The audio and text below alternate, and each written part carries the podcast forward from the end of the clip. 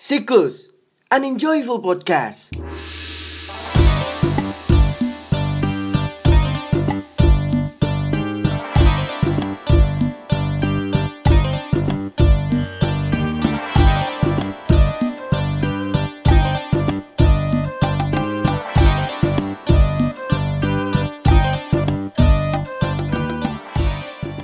Halo Sobat Siklus, marhaban ya Ramadan.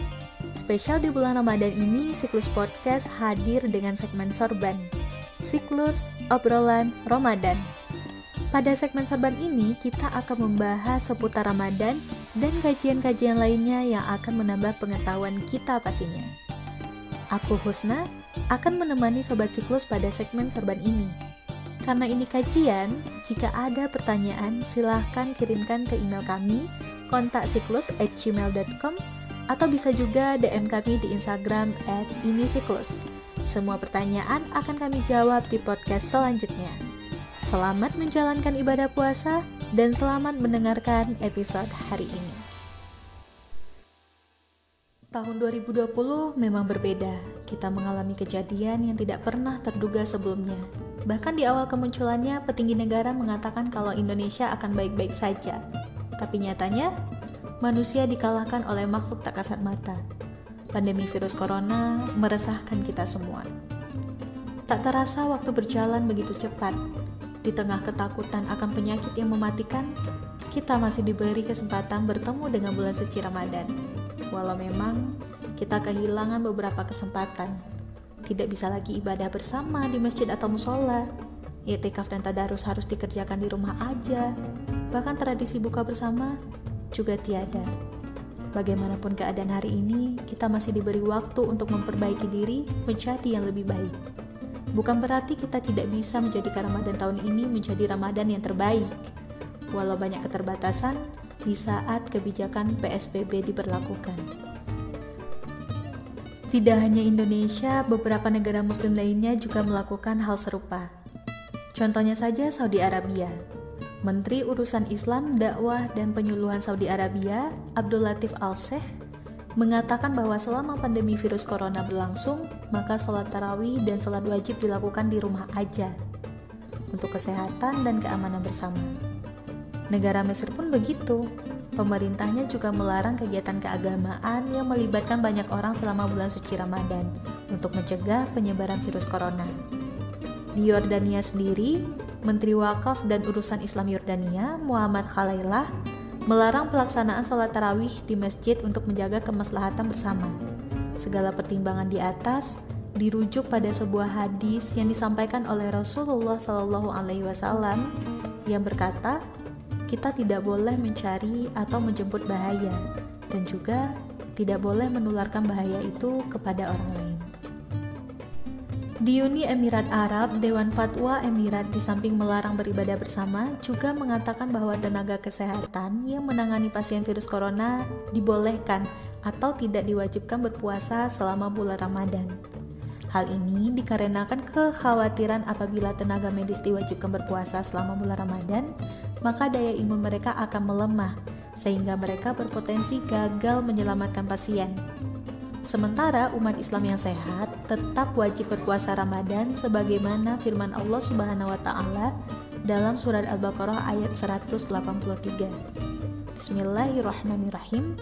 Ya ayyuhalladzina amanu kutiba alaikumusiyam kama kutiba alal ladzina min qablikum la'allakum tattaqun. Hai orang-orang yang beriman, diwajibkan atas kamu berpuasa sebagaimana diwajibkan atas orang-orang sebelum kamu agar kamu bertakwa. Sobat siklus, tidak diwajibkan berpuasa di bulan Ramadan bagi tenaga kesehatan yang menangani pasien virus corona bukan tanpa alasan.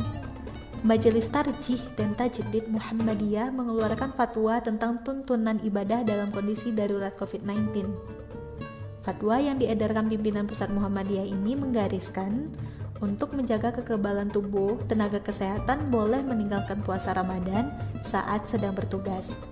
Hal ini didasarkan berdasarkan firman Allah Subhanahu wa taala dalam Al-Qur'an surat Al-Baqarah ayat 195.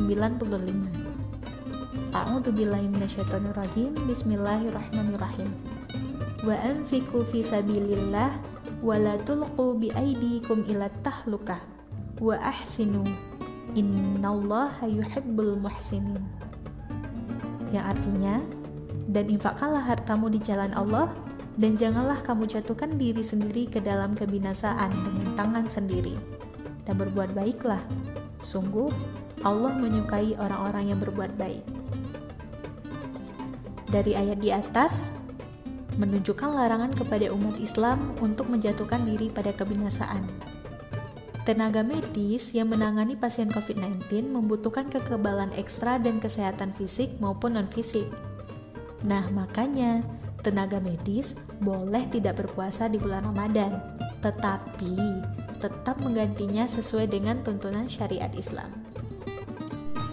Di lain sisi, cendikiawan Muslim Inggris juga mengeluarkan fatwa yang mengizinkan para tenaga medis untuk menunda puasa Ramadan jika dalam situasi berpuasa, mereka berpotensi membahayakan perawatan pasien virus corona.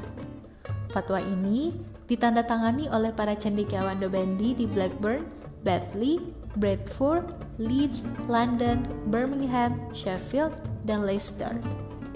Sekarang, kita lihat keadaan negara kita Indonesia. Pengurus Besar Nahdlatul Ulama atau PBNU menyerukan agar sholat tarawih dan sholat idul fitri dilaksanakan di rumah masing-masing atau sesuai protokol pencegahan penyebaran COVID-19 yang diterapkan pemerintah daerah. PBNU juga mengajak agar umat Islam senantiasa melaksanakan peribadatan wajib dan meningkatkan amaliyah. Nah, sekarang aku akan berbagi beberapa amalan yang bisa kita jadikan sebagai penghias Ramadan tahun ini. Yang pertama, sholat tarawih dan sholat witir.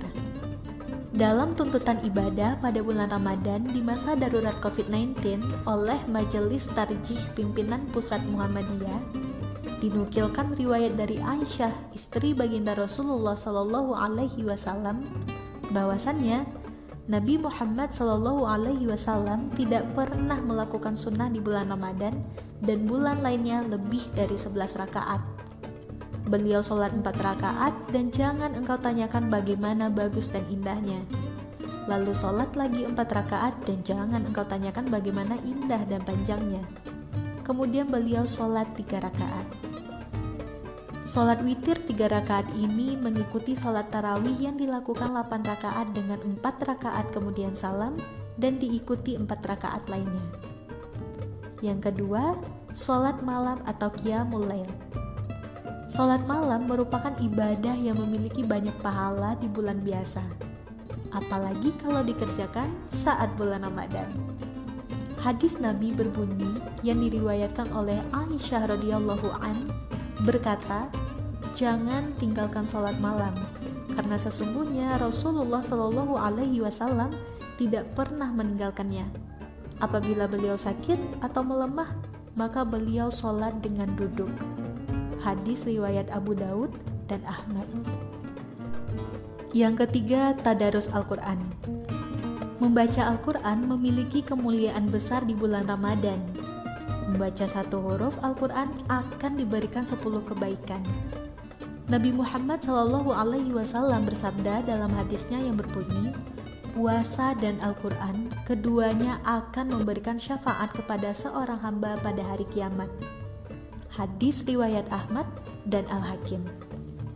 Yang keempat, sedekah.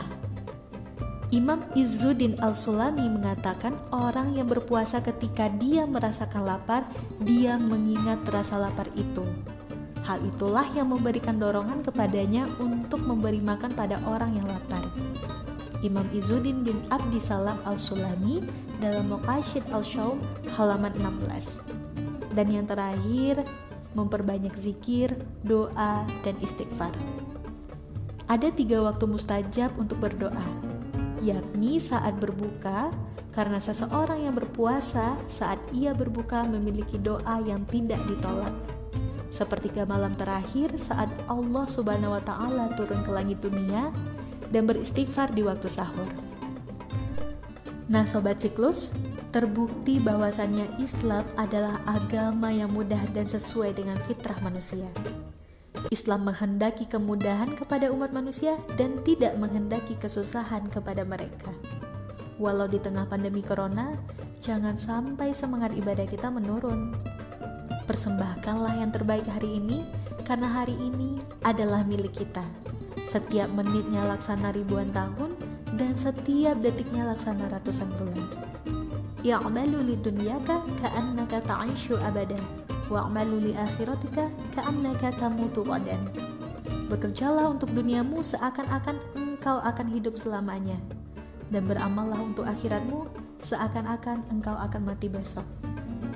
Maka dari itu, jadikanlah Ramadan tahun ini menjadi Ramadan yang terbaik karena belum tentu kesempatan yang sama kita dapatkan esok hari atau bahkan tahun depan.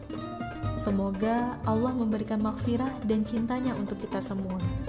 Bagi sobat siklus yang masih kepo atau mau tahu berita update, bisa banget kunjungi kami di Instagram, Pinterest, dan Twitter at ini siklus. Karena siklus terjadi dan penting. Jazakumullahu khairan. Aku Husna, Sampai jumpa di episode selanjutnya.